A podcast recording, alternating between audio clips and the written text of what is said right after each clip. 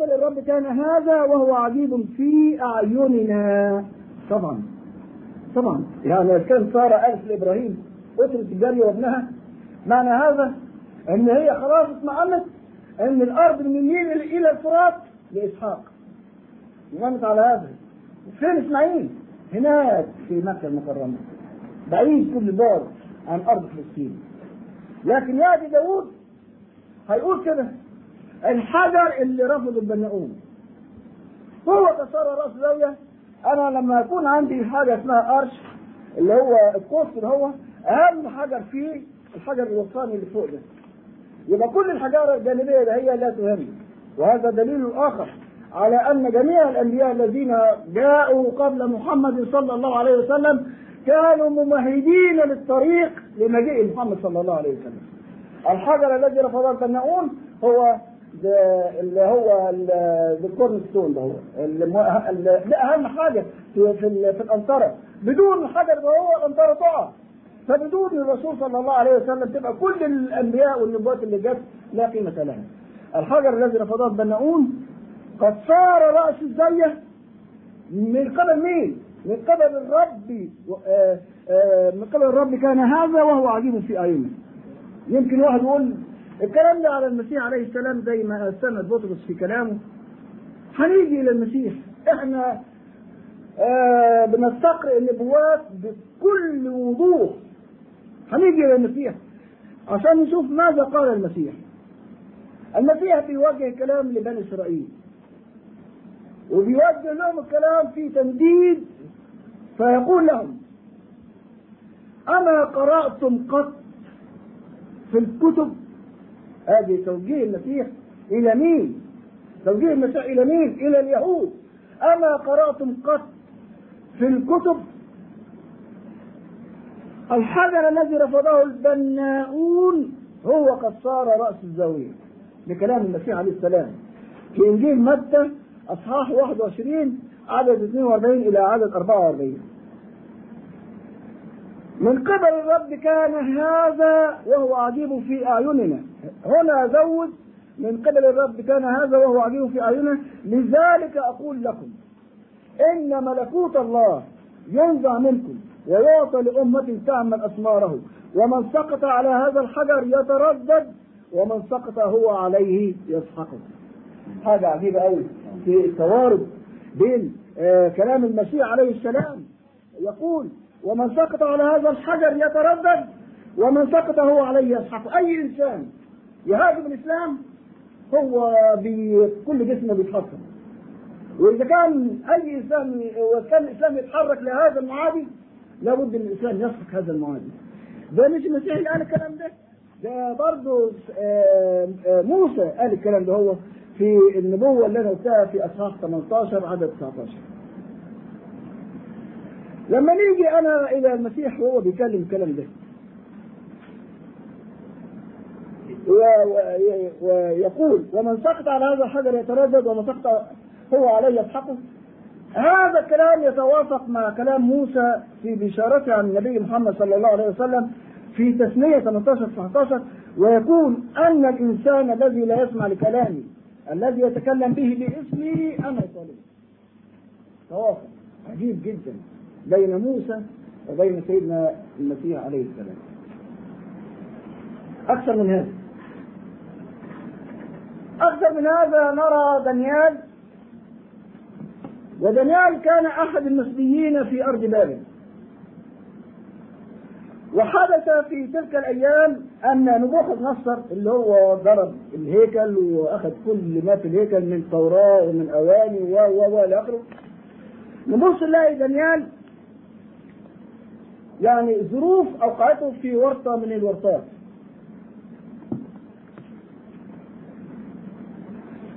ف الملك نبوخذ نصر في ليلة من الليالي وهو كان يحب دانيال جدا. حلم حلما. حلم إن هو شاف تمثال مرتفع جدا وعريض. رأس التمثال من ذهب. صدر التمثال وذراعيه من فضة بطن التمثال من نحاس فخدين من صلب الرجلين من حديد وخزف والقدمين مختلط الخزف بالحديد. هذا التمثال بعد كده رأى حجر قطع من جبل بلا يدين. قطع حجر من جبل بلا يدين. وضرب التمثال. فسحق التمثال من الرجلين إلى الرأس. وهذا الحجر امتد فرش الأرض كلها أنا عايزكم بقى تاخدوا الصورة دهية عشان تعرفوا إن هذه النبوة عن أمة محمد عن أمة محمد صلى الله عليه وسلم وعن الإسلام كدين عالمي يستوعب كل كل العالم. الملك نبوخذ نصر لما حلم هذا الحلم استدعى العرافين واستدعى المجوس واستدعى السحرة على انهم يقولوا له إيه الحلم اللي فطلب منهم فما عرفوش. فهو هدد بالقتل والنفس. مين بلغ الخبر؟ دانيال النبي اليهودي المسبي في أرض بابل. فطلب الإذن للدخول إلى الملك ليعبر له عن الحلم. فدخل دانيال قال له أتعرف؟ قال له الله سبحانه وتعالى اللي أنا أعبده هو الذي يكشف لي الحلم فربنا سبحانه وتعالى كشف الحلم فقال له أنت رأيت تمثال رأسه من ذهب و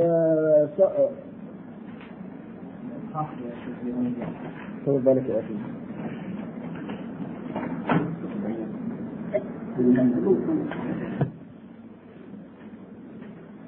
رأس هذا التمثال من ذهب والصدر من فضة والبطن من نحاس والفخذين كذا. قال له أنت رأيت هذا التمثال؟ ورأيت إيه؟ حاجة قطعة بلا يدين وضرب التمثال. قال له أيوه. طب قول لي هو التمثال. قال له ايها الملك أنت الرأس اللي من ذهب أنت المملكة اللي هي من ذهب وبعد كده تأتي مملكة أقل منك فأقل فأقل. لما أنا آجي أدرس التاريخ أبص ألاقي أول مملكة بعد الفراعنة المملكة البابلية. دي هي الرأس من الذهب. وبعدين المملكة الفارسية. دي اللي هي إيه الفضة وبعدين المملكة المقدونية دي اللي هي النحاس وبعدين المملكة الرومانية أفتكر بقى بعد المملكة الرومانية مفيش ممالك ثانية اطلاقا وبعدين المملكة الرومانية انقسمت إلى عشر دول اللي هي اولا انقسمت إلى قسمين الروم في الشرق والرومان في الغرب. دي الحلم. طيب نرجع لدانيال. الحلم كله جاء في سفر دانيال أصحاح اثنين. من واحد إلى آه 46 أنا يهمني في في هذا. طبعا قلت لكم يعني حيثيات الحلم وازاي هو سبع المجوس وإلى آخره. اللي يهمني في هذا دانيال أصحاح اثنين من عدد 44 إلى عدد 45 ده اللي يهمني العددين دول بالذات وفي أيام هؤلاء الملوك يقيم إله السماوات مملكة لن تنقرض أبدا وملكها لا يترك لشعب آخر. وتصحى وتفني كل هذه الممالك وهي تثبت إلى الأبد. لأنك رأيت انه قد قطع حجر من جبل لا بيدين. فسحق الحديد والنحاس والخزف والفضة والذهب.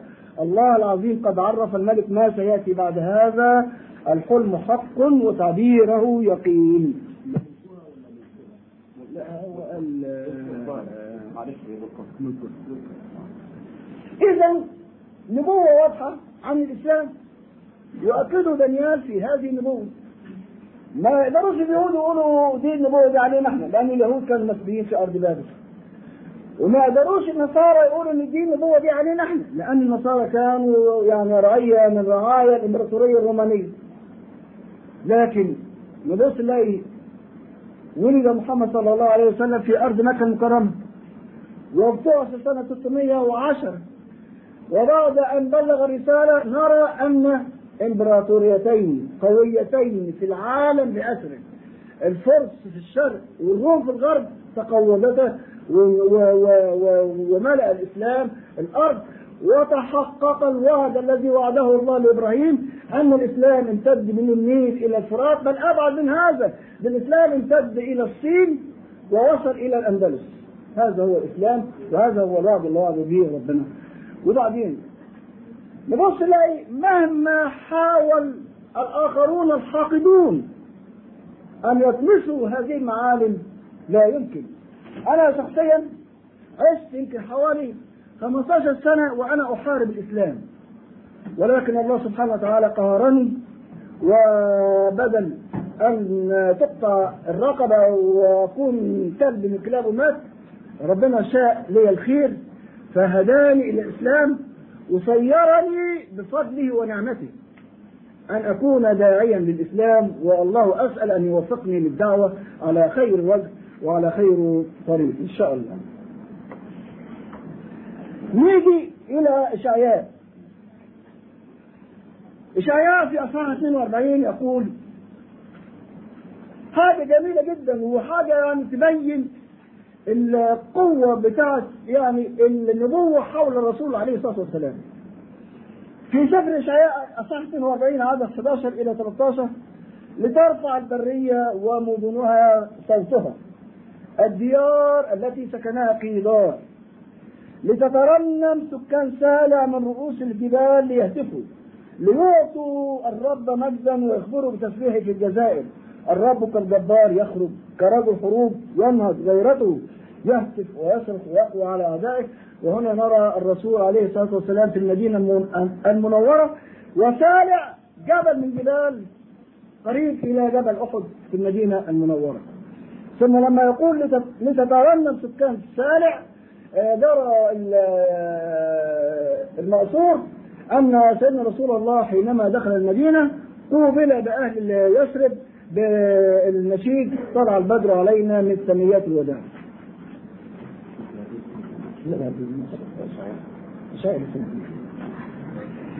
في سفر إشعياء أصحاح 60 ودي عدد مهم جدا أصحاح 60 من عدد واحد إلى آه طلع عن الإشعياء بالمرة. أصحاح 60 من عدد الأول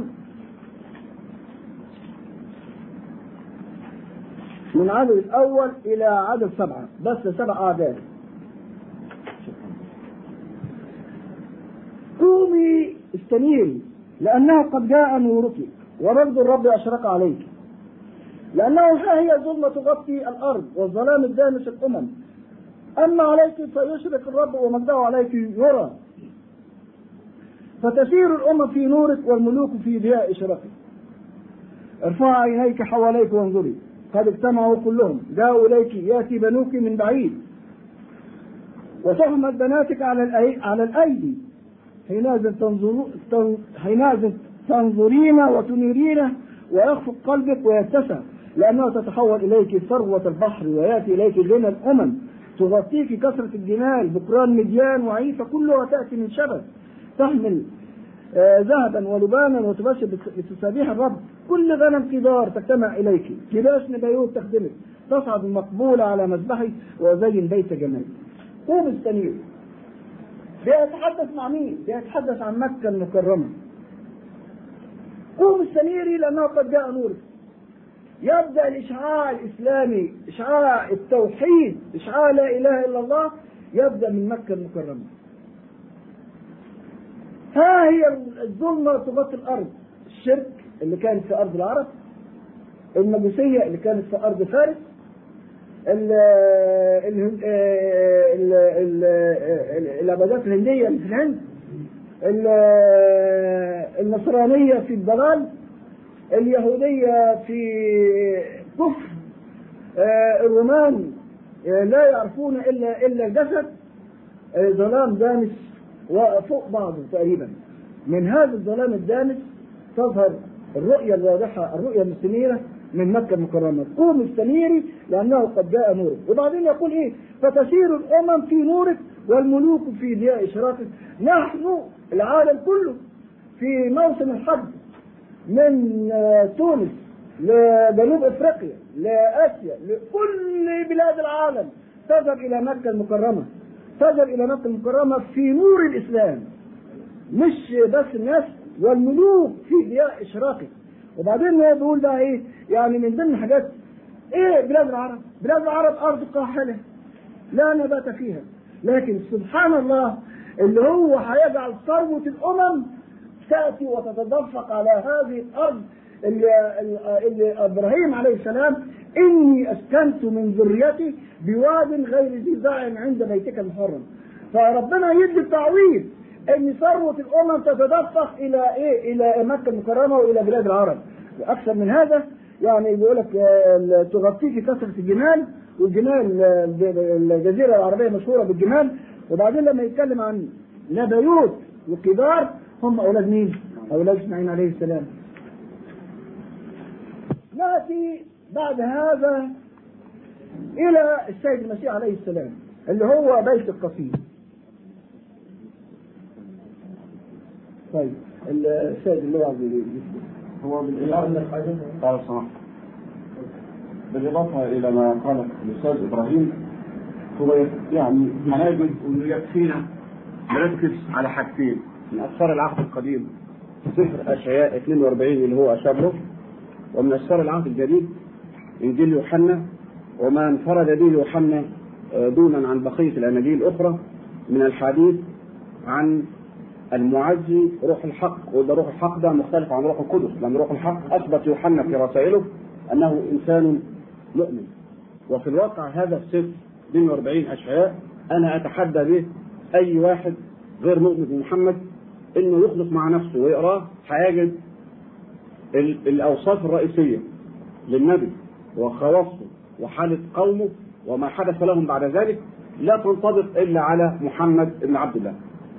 نشوف كده السفر بيقول إيه؟ هنجد لما نقسم السفر إلى فقرات ودي الوسيلة الرئيسية للبحث النبوءات. ما تتاخدش كلمة كلمة إنما كل مجموعة اسطر أو كلمات متناسقة تتلم على بعضها عشان نخرج منها بمفهوم واحد. نجد إن الفقرة الأولى بتتكلم على نبي اشتهر بأنه عبد الله ورسوله. عرف في العالم بأنه عبد الله ورسوله. قال إيه؟ هو ذا عبدي الذي اعضده مختاري الذي سرت به نفسي وضعت روحي عليه فيخرج الحق للأمم. الفقرة الثانية بتدينا معنى إنه يسود يسود الدين وتكتمل الشريعة التي جاء بها في عهده وليس من بعده. ومن الواضح وده يعلمه كل علماء المسيحية أن المسيحية المعاصرة لم تكتمل في حياة المسيح لكن دخل عليها كثير من عمل التلاميذ وعمل رجال الكنيسة وعمل بولس لكن هنا الذي الذي يتنبأ عنه لابد أن تكتمل الشريعة في عهده ويكتمل الدين في وجوده بحيث بعد كده الأجيال اللاحقة لا تضيف ولا تحذف وما عليها إلا التطبيق. ماذا يقول السفر لا يكل ولا ينكسر حتى يضع الحق في الأرض وتنتظر الجزائر شريعته. طبعا له شريعة والمسيح ليس له شريعة إنما جاء بمجموعة أخلاق. معلش النص لا معذرة النص حي... في كلام كتير وهم ما معهمش الورق عشان يبصوا فيه. إنما أعتقد نظام الفقرات ديت هو ده أسلم نظام. ما فيش مانع يقرا أستاذ بعد ما خلص الحكم الفقرة الثالثة يعصمه الله من الناس حتى يكمل رسالته. يعني لن يموت ولن يقتل حتى ينتهي الدين. واضح أن هذا لا يمكن تطبيقه على المسيح لأن المسيح كلا وانكسر إذا استخدمنا هذا التعبير. قتل دون أن يقتل القتل حسب ما تقول اناجيل أو اختطف ورفع إلى السماء حسب ما يؤمن المسلمون. لكن هنا يعصمه الله من الناس حتى يكمل رسالته أنا الرب قد دعوتك بالبر فأمسك بيدك وأحفظك وأجعلك عهدا للشعب. ونورا للأمم. طبعا دي واضحة في سورة حتى نزلت في سورة المائدة. يا أيها الرسول بلغ ما أنزل اليك من ربك. وإن لم تفعل فبلغت رسالته. والله يعصمك من الناس. وأن ذاك الرسول كان له حرس بيحرسه من المشركين صرفهم. قال أيها الناس انصرفوا عنا قد حرسنا الله. الفقرة الرابعة إن هذا النبي ينتسب إلى إسماعيل ابن إبراهيم. ودي اشار إلى إبراهيم اللي ترفع البرية ومدنها صوتها الديار التي سكنها قيدار وخضار هذا هو الابن الثاني لاسماعيل كما في سفر التكوين 25 صح 25 عدد 13 نقطة مهمة جدا واللي تفرق بين هذا النبي وبين أي دعوة إنه ممكن ينطبق على المسيح أو غيره. أعداؤه المنهزمون اللي كانوا بيعكسوه وبقاوموا الدعوة عبدة أوثان وأصحاب أصنام. طبعا اليهود ما كانوش عبدة أوثان ولا أصحاب أصنام. اليهود يعبدوا الإله الواحد ما في ذلك شك. الإصحاح بيقول إيه؟ يخزي خزيا المتكلون على المنحوتات القائلون للمسبوكات أنتن آلهتنا الفقرة الخامسة أنه رجل حرب أولا رجل حرب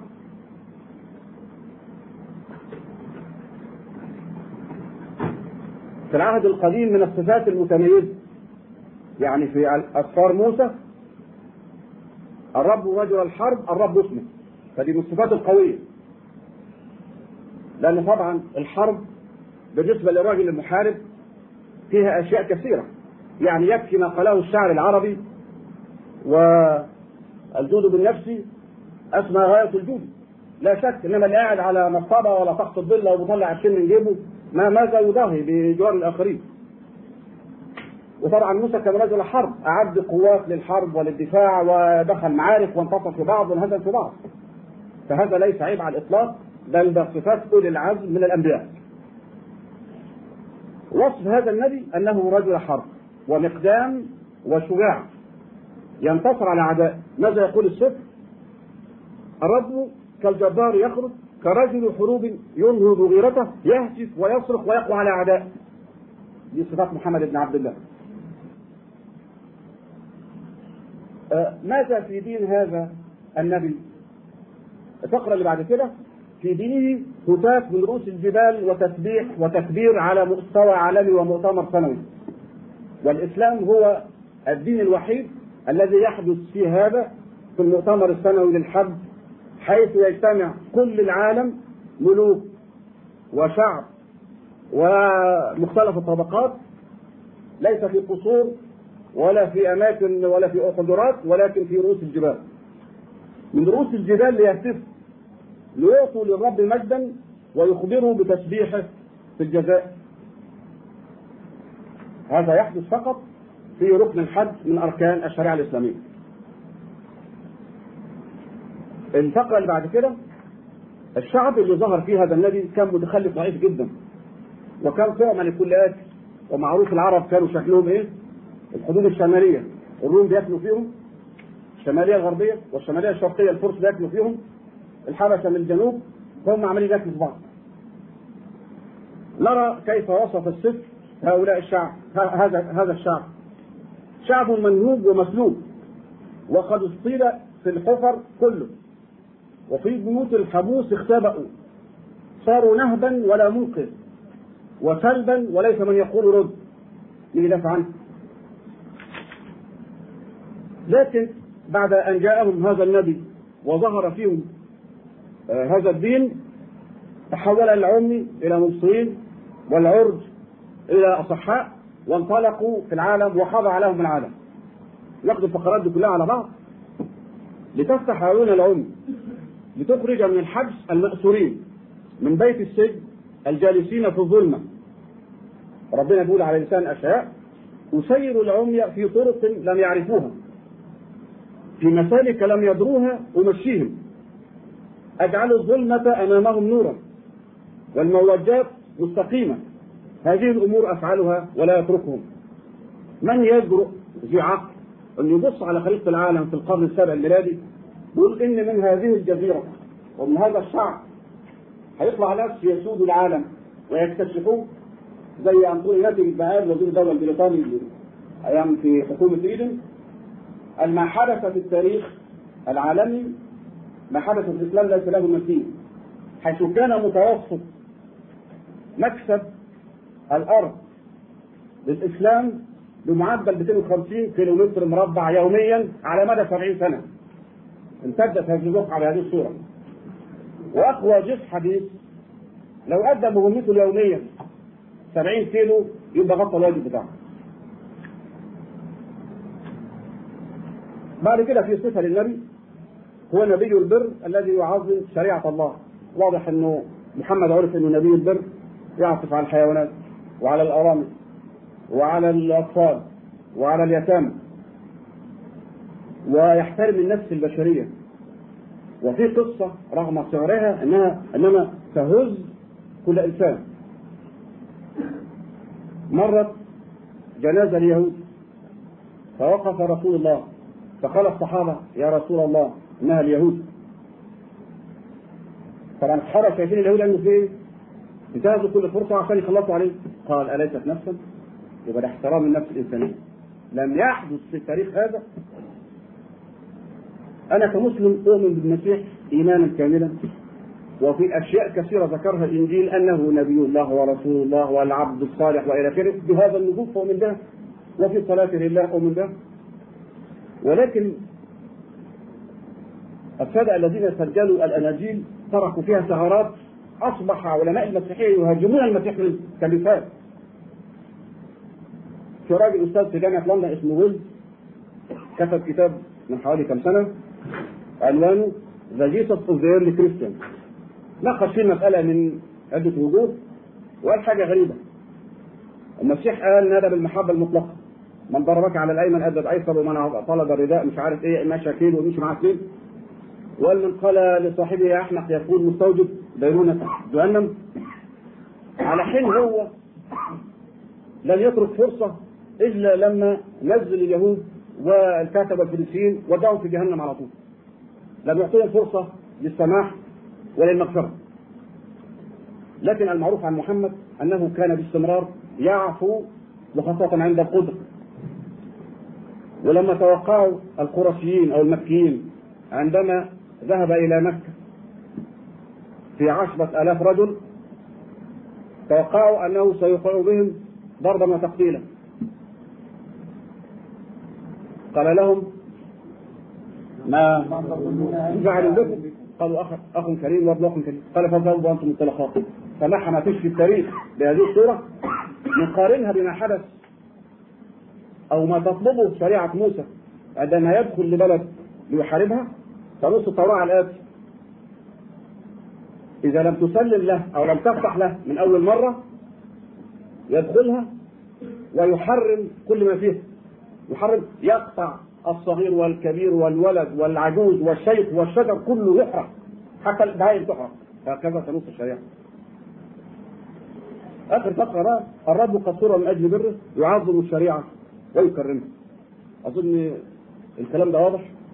ويجوز نقعد مع بعض آه يعني الذين يلوون ألسنتهم بالكتاب لا تحسبون الكتاب وهو من الكتاب يقول لك لا دي نزلت لنبي ثاني هنقول لهم تعالوا بيننا وبينكم الإنجيل.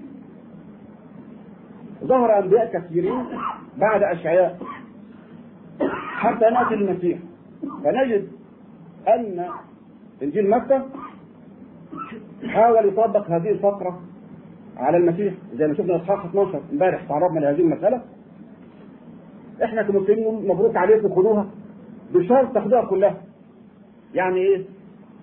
أول فقرة في هذا الإصحاح بتقول هو ذا عبدي الذي أعظمه مختاري الذي سرت به نفسي وضعت روحي عليه وليس فيه فيخرج الحق الأم. والله إذا سلمت أن المسيح عبد الله ورسوله ربنا ايده بالروح مع السلامة مبروك عليكم. ويقول إحنا اتفق المسلمون والمسيحيون ولا خلاف. حتى ينتهي بذلك الخلاف بين الطائف المسيحيه لكن لما نيجي نكمل بقية الإصحاح نجد إنه لا يمكن يجي على على المسيح.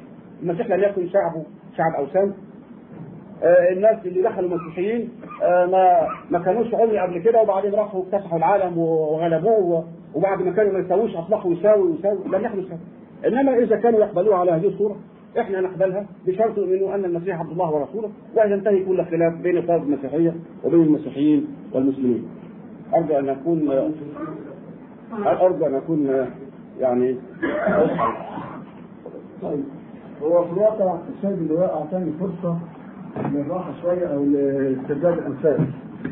إنما اللي أنا عايز أقوله إن أنا أعول كل التعويل فضلا عن النبوات اللي جت في العهد القديم إلى ما قاله السيد المسيح وسأبرز ما قاله بكل دقة وبكل أمانة. ثم نحلل ما قاله ونجد ماذا قال. في إنجيل يوحنا أصحاح 14 من عدد 16 إلى عدد 17 إنجيل يوحنا أصحاح 14 من عدد 16 إلى عدد 17 أنا هنقرأ نصوص ثم آه نتكلم عن التحليل العلمي لهذه النصوص.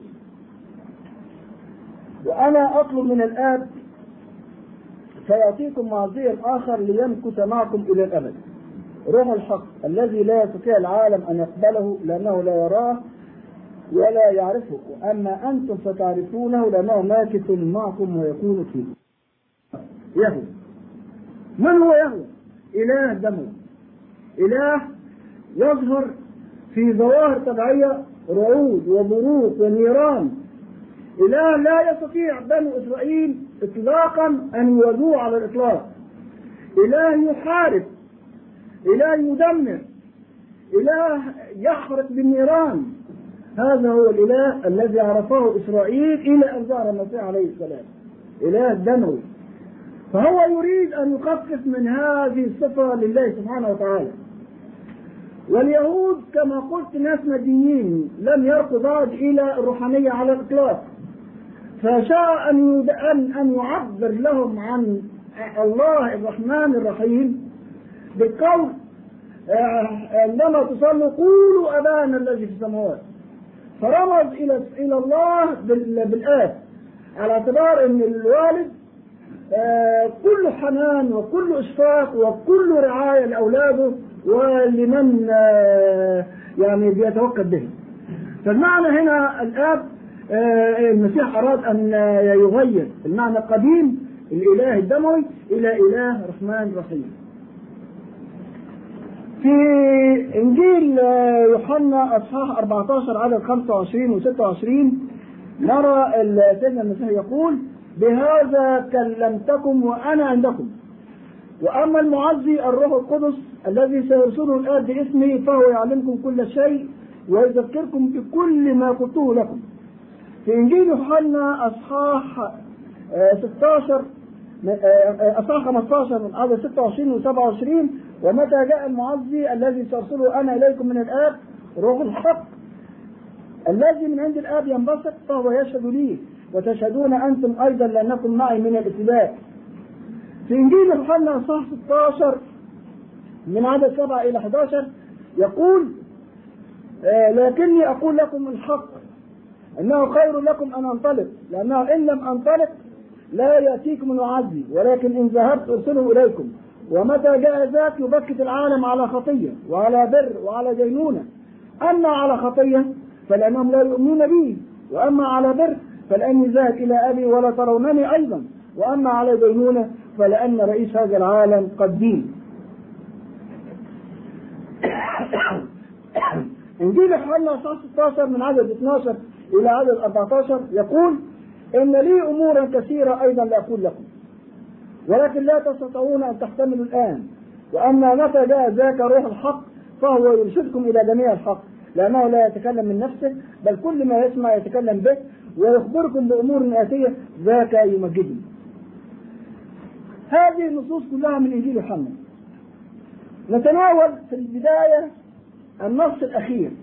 إنجيل يوحنا أصحاح 16 من عدد 12 إلى عدد 14 نرى نرى أولا أن التلاميذ ليسوا على المستوى لحمل مسؤولية الدعوة إذ يقول في 16 12 إن لي أمورا كثيرة أيضا لأقول لكم ولكن لا تستطيعون أن تحتملوا الآن. التلاميذ ليسوا على مستوى الدعوة وبدليل آخر ما نراه أنه قال إن أنتم تتفرقون وجاءت ساعة التجربة نجد أن هؤلاء التلاميذ قد هربوا. طيب. نرى أن النبي الذي يأتي بعد المسيح كما جاء في إنجيل يوحنا اصحاح 16 13 روح الحق. بعض المبشرين يحب إن هم يعني يبذروا الحقد في قلب المسيحي يقول احترزوا من الأنبياء الكذبه طب ما فعلا احترزوا من الأنبياء الكذبه أما الرسول نعت بايه؟ قال روح الحق ما قالش روح كذاب وده فخر لمحمد صلى الله عليه وسلم إن هو روح الحق وبعدين إيه الوظيفة بتاعته؟ إيه المسؤولية التي يقوم بها؟ فهو يرشدكم إلى جميع الحق طبعا معادله التلاميذ خيبانين فلا بد أن يأتي الإنسان اللي يقدر يرشد هؤلاء إلى الحق الكامل دي الناحيه الثانية وبعدين نيجي نبص ال- المسيح عليه السلام يضع أصابعه في عيون المستشرقين فيقول اسمع بقى القول آه، لأنه لا يتكلم من نفسه. عجيبه قوي لأنه لا يتكلم من نفسه. بل كل ما يسمع يتكلم به ويخبركم بأمور آتية. نرى إن الرسول عليه الصلاة والسلام تلقى الوحي عن جبريل آه، رسول الله إلا ارسله إلى سيدنا محمد عليه الصلاة والسلام. وبعدين القرآن الكريم يقول وما ينطق عن الهوى. وبعدين القرآن الكريم يقول يتلقى قرآنا من لدن حكيم عليم. نفس الكلام اللي قاله المسيح بل كل ما يسمع يتكلم به. ويخبركم بامور اتيه يخبركم بامور اتيه دي هي العظمة في الإسلام. يعني أنا عندي سفر التكوين. عندي الإصحاحات الأول الأول والثاني عن تكوين الكون أنا يعني لما أفكر تفكير انسان عاقل إلى ما ذكر في سفر التكوين وأرجع إلى القرآن الكريم وأقرأ سورة آه، البقرة في الآيات الأخيرة أو سورة الأنعام في الآيات الأخيرة ونرى الله سبحانه وتعالى وهو يكشف لي أسرار الكون.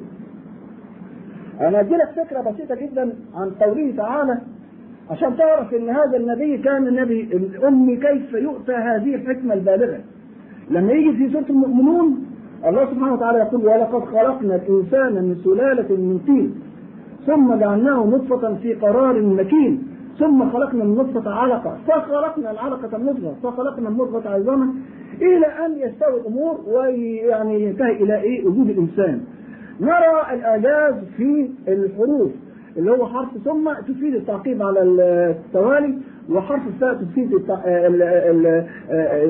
العطف على التعقيب وثم تفيد العطف على التوالي. ونبص نلاقي كيف أن رسول الله يقول لقد خلقنا الإنسان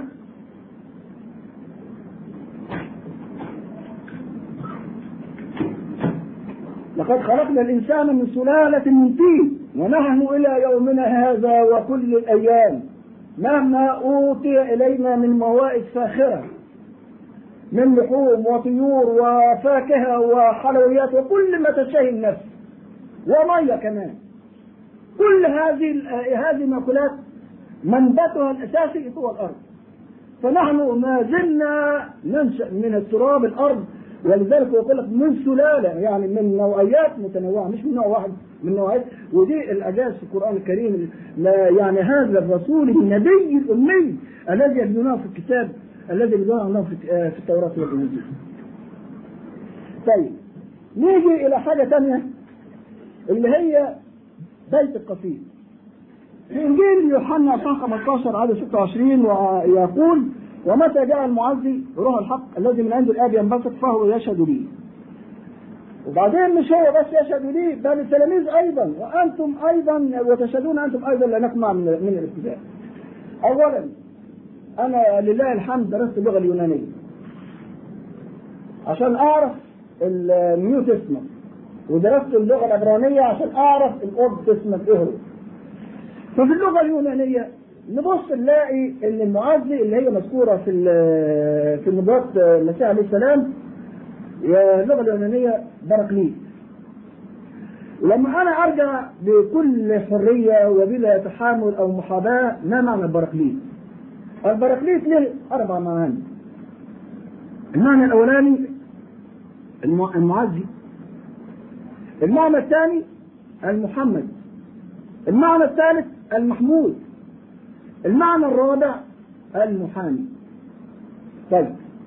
لما أنا آجي أبص ألاقي إن الجماعة كتبت الأناجيل كتبوا المعزي. ليه؟ هم يمكرون. يمكرون ويمكر الله والله خير الماكرين. اكتبوا المعزي. المعزي معناه إيه؟ المواسي. الجماعة دول من عمل بصيرة إن هم كتبوا المعزي وهم وهم لا يفقهون ما معنى المعزي. أنا أشوف إن معنى معزي إن المسيح بيقول لهم أما المعزي أما الرجل اللي هو هيجي ده بعدي هيعذب الجماعة المؤمنة لأن العقيدة انحرفت من الطريق السوي إلى طرق مختلفة. يبقى كان المعزي المواسي وأنا في دراستي للمجامع هنبين إزاي المسألة دي ظهرت. يبقى أما المعزي المواسي المواسي مين؟ أهل التوحيد الذين يقولون لا إله إلا الله منهم أريوس. طيب لما يجي يقول محمد خلاص يبقى رسول الله صلى الله عليه وسلم مش عايز إنكار. لما يجي يقول المحمود برضه الرسول عليه الصلاة والسلام مش عايز إنكار. لما يجي يقول المحامي الله هو في حديث عن الرسول عليه الصلاة والسلام يقول عشان نشوف التطابق ما بين كلام الرسول وما بين نبوة المسيح عليه السلام بيقول لي خمسة أسماء أنا محمد وأنا أحمد وأنا المحامي الذي يمحو الله بي الكفر. وأنا وأنا الماحي وأنا الماحي الذي يمحو الله بي الكفر. وأنا الحاشر الذي يحشر الناس على قدمي وأنا العاقل. يبقى الماحي والمحامي ما هو المحامي يعني وجهة المحامي إيه؟ إن هو يمحو الباطل. وجهة المحامي إن هو يمحو الباطل. لما أنا أجي أتناول القرآن الكريم هذا وأنا يعني اكتفي بسوره المائدة. سوره المائدة دون عن بيت السور ونشوف المواقف المختلفة العجيبة. ولاحظوا إن القرآن بيقول الذين يتبعون الرسول النبي الأمي الذي يجدونه مكتوبا عندهم في التوراة والإنجيل. إخواني زمان كنت بضحك على المسلمين عشان خاطر أتقرب إليهم. وأقول لهم كده القران الكريم بيبين إن النصارى أهل مودة والنصارى أهل رأفة والنصارى أهل رحمة.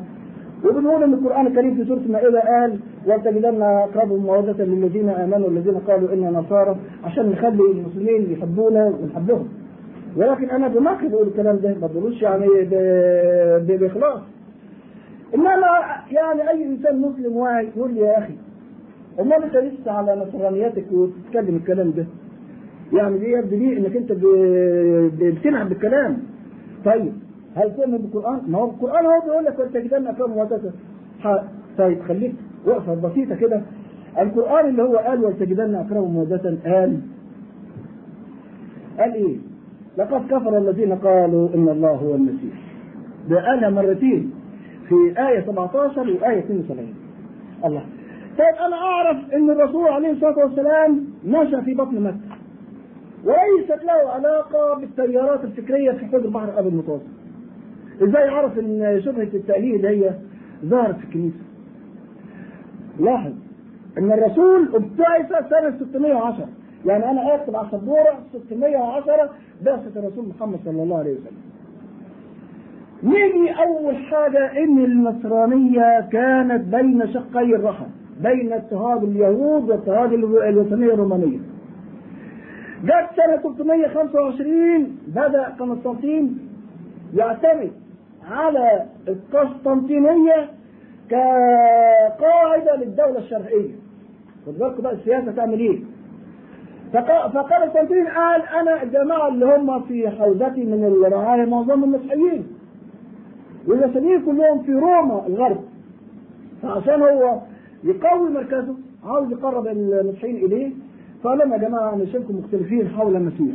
أعملوا مجمع وقولوا لي إيه هو المسيح ده؟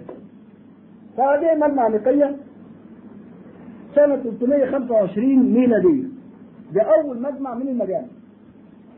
انعقد هذا المجمع وحضر في هذا المجمع 2000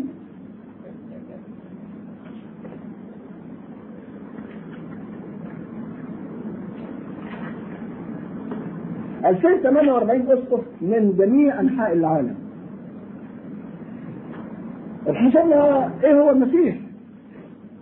فهم تبحثوا فجاء أريوس وأنا بكلمك من التاريخ يعني إذا أنت حبيت ترجع إلى History of Church History هتقدر by Hastings هتعرف كل اللي أنا هقوله دلوقتي.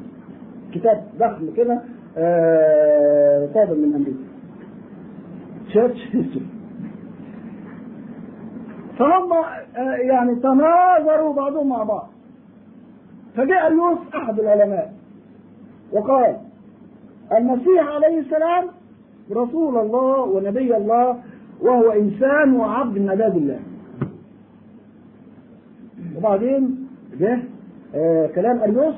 وكام واحد اتبع أريوس 1731 من الأساقفة ده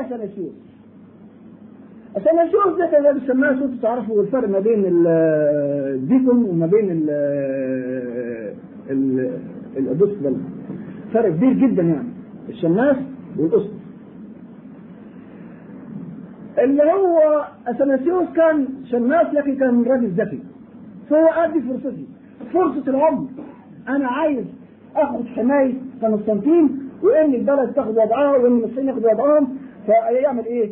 هو طبعا قسطنطين كان رجل وثني وكان يؤمن بالتأليه وحاجة من هذا القبيل فجاء اثناسيوس قال له أن المسيح هو الإله المتجسد. كان واحد اتبع اثناسيوس 317 طبعا قسطنطين بدأ يقلب الرأي وجد إن الرأي اللي هو يعني نفسه اشراءات به الوثنيه فهو وافق على كلام اثناسيوس أما جماعة الموحدين الجماعه اللي قال المسيح عبد الله ورسول الله نفاهم وحرمهم. بل أكثر من هذا أن الكتاب المقدس حبسه من سنة 625 ولم ولم ولم يخرج من الحبس إلا سنة 1516 في أيام لوسيروس. يعني الكتاب المقدس أصبح محبوس وقال كده في قرارات المجمع قال إن الكتاب المقدس يغلق وأن تعليم الدين يتلقاها الشعب من أفواه القساوسة. هذا مجمع نقي. يبقى هنا القرآن الكريم لما جاء قال لقد كفر الذين قالوا ان ان إن الله هو المسيح ابن مريم قل فمن يملك من الله شيئا إن أراد أن يهلك المسيح ابن مريم وامه. والآية الثانية لقد كفر الذين قالوا إن الله هو المسيح ابن مريم وقال المسيح يا بني إسرائيل أعبدوا الله ربي وربكم. دي من جهة مين؟ من جهة المجمع اللي هو مجمع نقية اللي حصل فيه تأليه المسيح. نيجي مجمع آخر من المجامع أنا داخل بس دي تكملة دي تكملة من الموضوع ما كل حاجة تعقيد طيب آه في تعقيد ثلاث دقائق لما نحل مشكلة البشائر أو النوايا في النهاية. يمكن إن شاء الله تكون نهائية لأن فيها الحل الفصل وأرجو من الاخوه جميعا انهم يتنبهوا جيدا للكلمات اللي هقولها. وهي كلمات في ثلاث دقائق وتنهي كل الإشكالات إن شاء الله. إحنا هنتكلم في ثلاث أجزاء كل جزء ياخد منا دقيقة إن شاء الله. أو أكثر ما بنطلعش كذابين. الجزء الأول الخاص بعبارة جاءت في إنجيل لوقا في الإصحاح الثاني عدد 14 اللي هي المجد لله في الأعالي وعلى الأرض السلام وبالناس المطر النص النص الثاني وأما إسماعيل فقد سمعت لك فيه. ها أنا أباركه وأثمره وأكثره كثيرا جدا اثني عشر رئيسا يلد وأجعله أمة كبيرة. ده في سفر التكوين الاصحاح 17 العدد 20 النص الثالث أيضا اللي هنتكلم عنه لأن جميع الأنبياء والناموس إلى يوحنا. تنبأوا. وإن أردتم أن تقبلوا فهذا هو اياه المزمع أن يأتي. ده إنجيل متى؟ الإصحاح 11 العدد 13 و14 طب نمسك واحدة واحدة وخدوا بالكم جيدا. ويمكن هتستعملوا قلم ورقة وأنا هستعمل السبوره لأن في نقطة فيها خطورة شوية فأرجو تتنبهوا معايا. الأول عاوزين نفهم لله المجد في الأعالي أو المجد لله في الأعالي وعلى الأرض السلام وبالناس المسر. هننقل عن أحد المسيحيين الذين أسلموا. وقد قدم المسيحي الذي أسلم السيد عبد الأحد داوود بحثا لغويا طويلا استنبط منه أن ميلاد المسيح كان بشارة بميلاد محمد وأورد من إنجيل لوقا ما يدل على ذلك. فقد جاء في إنجيل لوقا أنه عند مولد انظروني لأن النظر ضعيف جدا فأنا بقرا بعصر. مفيش إصحاح. ده إحنا قرينا الإصحاح. خلاص بس انت اللي كنتش معانا فاعذروني لضعف النظر لأني بقرأ بعصر شوية. أي وأورد من إنجيل لوقا ما يدل على ذلك. فقد جاء في إنجيل لوقا أنه عند مولد المسيح ظهر جمهور من الجنود السماوية للرعاة السوريين وأخذ هؤلاء الأملاك يترنمون بالنشيد الآتي. المجد لله في الأعالي وعلى الأرض السلام وفي الناس وفي الناس المسرة أو بالناس المسرة وهذا هو النص الموجود في الترجمة العربية كثيرة الانتشار. خليكم معايا والله. لأن الكلام فيه صعوبة شوية وعاوز نتنبه وهذا بلاش شرب دلوقتي دقيقة واحدة دقيقة واحدة والكل هيشرب إن شاء الله. وهذا هو النص الموجود في الترجمة العربية كثيرة الانتشار أما النص في الترجمة التي قامت بها واعذروني برضه ما بعرفش أقرأ أجنبي أو ما بعرفش أقرأ بالكافر لكن أنا هقرا بالتاريخ بيبول سوسايتي آه ما أعرفش زي ما فهو الحمد لله في الأعالي على الأرض سلامة في الناس حسن الرضا. ويقول السيد عبد الأحد إن هؤلاء الأملاك لم يتكلموا باللغة العربية. ولو تكلموها ما فهمها منهم هؤلاء السوريون. ولم يتكلموا كذلك بلغة غير لغة هؤلاء الرعاة. لأن طبيعة الرعاة ألا يعرفوا لغات, لغات أجنبية لقلة ثقافتهم زي كده ما يعرفوش لغات أجنبية. وإذا كانت الأنشودة باللغة السريانية لغة الرعاة فما كلمات الأنشودة بهذه اللغة وما ترجمتها الحقيقية. وبخاصة الكلمتان السلام أو سلامة. والمسرة أو حسن الرضا. كلمة السلام كان أصلها إيه؟ وكلمة حسن الرضا أصلها إيه؟ تعالوا نفهمه بالعقل. وقبل أن يجيب سيادته على هذا السؤال يؤكد تأكيدا قاطعا أن ترجمة الكلمتين السريانيتين إلى السلام أو سلامة والمسرة أو حسن الرضا ترجمة خاطئة. خدوا بالك خاطئة ليه؟ عاوزين عقلا وفهما. بيقول ويتساءل ما معنى على الأرض السلام أو سلامة؟ فين السلام وفين السلامة اللي على الأرض؟ وأي سلام شهدته الأرض منذ خلقها الله. وقد دنسها أحد ابني آدم حين قتل أخاه في مطلع البشرية. واستمر بعض أولاد آدم يقتلون إخوتهم دون توقف حتى العهد الحاضر. كل يوم قتل وسرقة وجرائم. وأصبح طبيعيا للنوع البشري أن يعيش عيشة تكاد تكون مستمرة بين الفجائع الوخيمة والاختلافات والحروب التي جبلت عليها الطبيعة البشرية. خلاص إذا ما في السلام. وما يقال في هذه الجملة؟ يقال كذلك في الجملة الأخرى. وبالناس المسرة أو وفي الناس حسن الرضا. فأين المسرة التي رآها الناس؟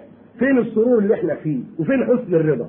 وما قيمتها إذا قيست بالدموع والعرق والكفاح والآلام التي يعانيها الجنس البشري؟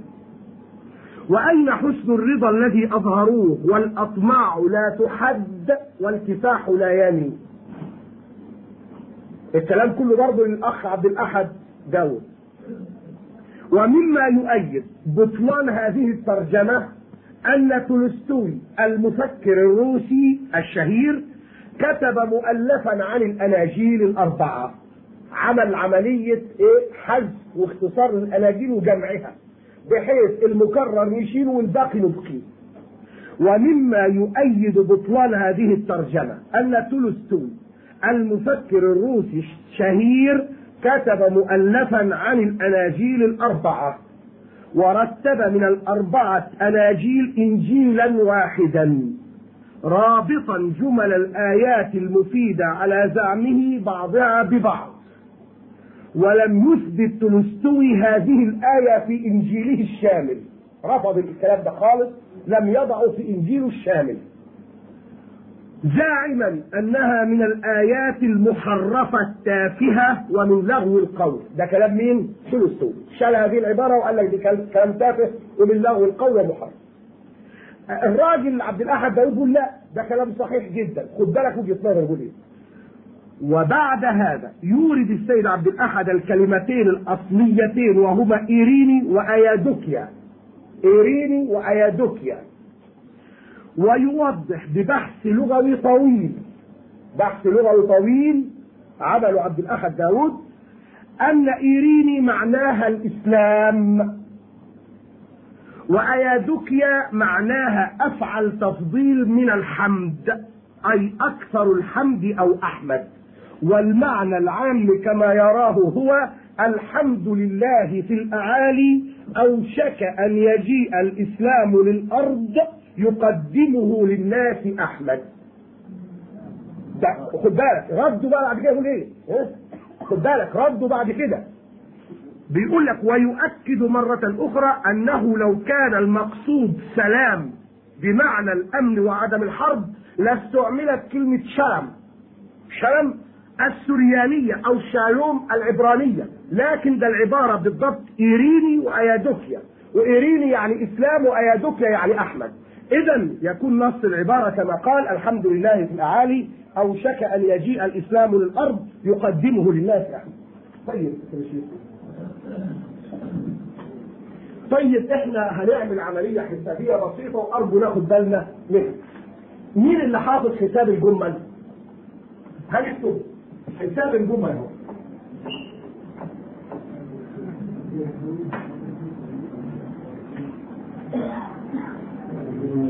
بالكم مفيش كلام. لا أصل إحنا اشتغلنا في التدريس والتدريس فيه شوية.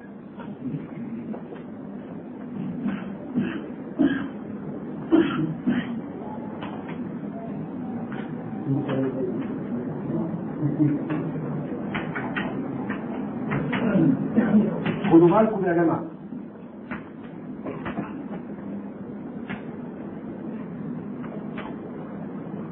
دي الحروف الهجائية مرتبة ترتيب يسمى ترتيب الجمل بتتقرا كده. أبجد حول وكل واحد حبذا لو مسك قلم ورقة وتابعني لكن في عملية حسابية عاوزين نحسبها أبجد هوز حطي كلم سعطت قراشت فخذ ضاهاء دي الحروف الهجائية مرتبة ترتيب معين. هذه الحروف لها أثمان كل حرف له رقم. الألف بواحد الباء باثنين. الجيم ثلاثة. الدال أربعة. الهاء بخمسة. الواو ستة الزين سبعة. الحاء ثمانية. تسعة. عشرة. بعد عشرة بنضاعف العشرة. بنترقى إلى المرتبة الثانية بيقول بعدها عشرين. ثلاثين. أربعين. خمسين. ستين. سبعين. ثمانين تسعين مية بعد كده بنضاعف المية بنقول 200 300 400 500 600 700 800 900 1000 خلاص؟ هنا بقى نطلع السر المستخبي فخدوا بالكم. نرجع بقى للنص اللي موجود في التوراة.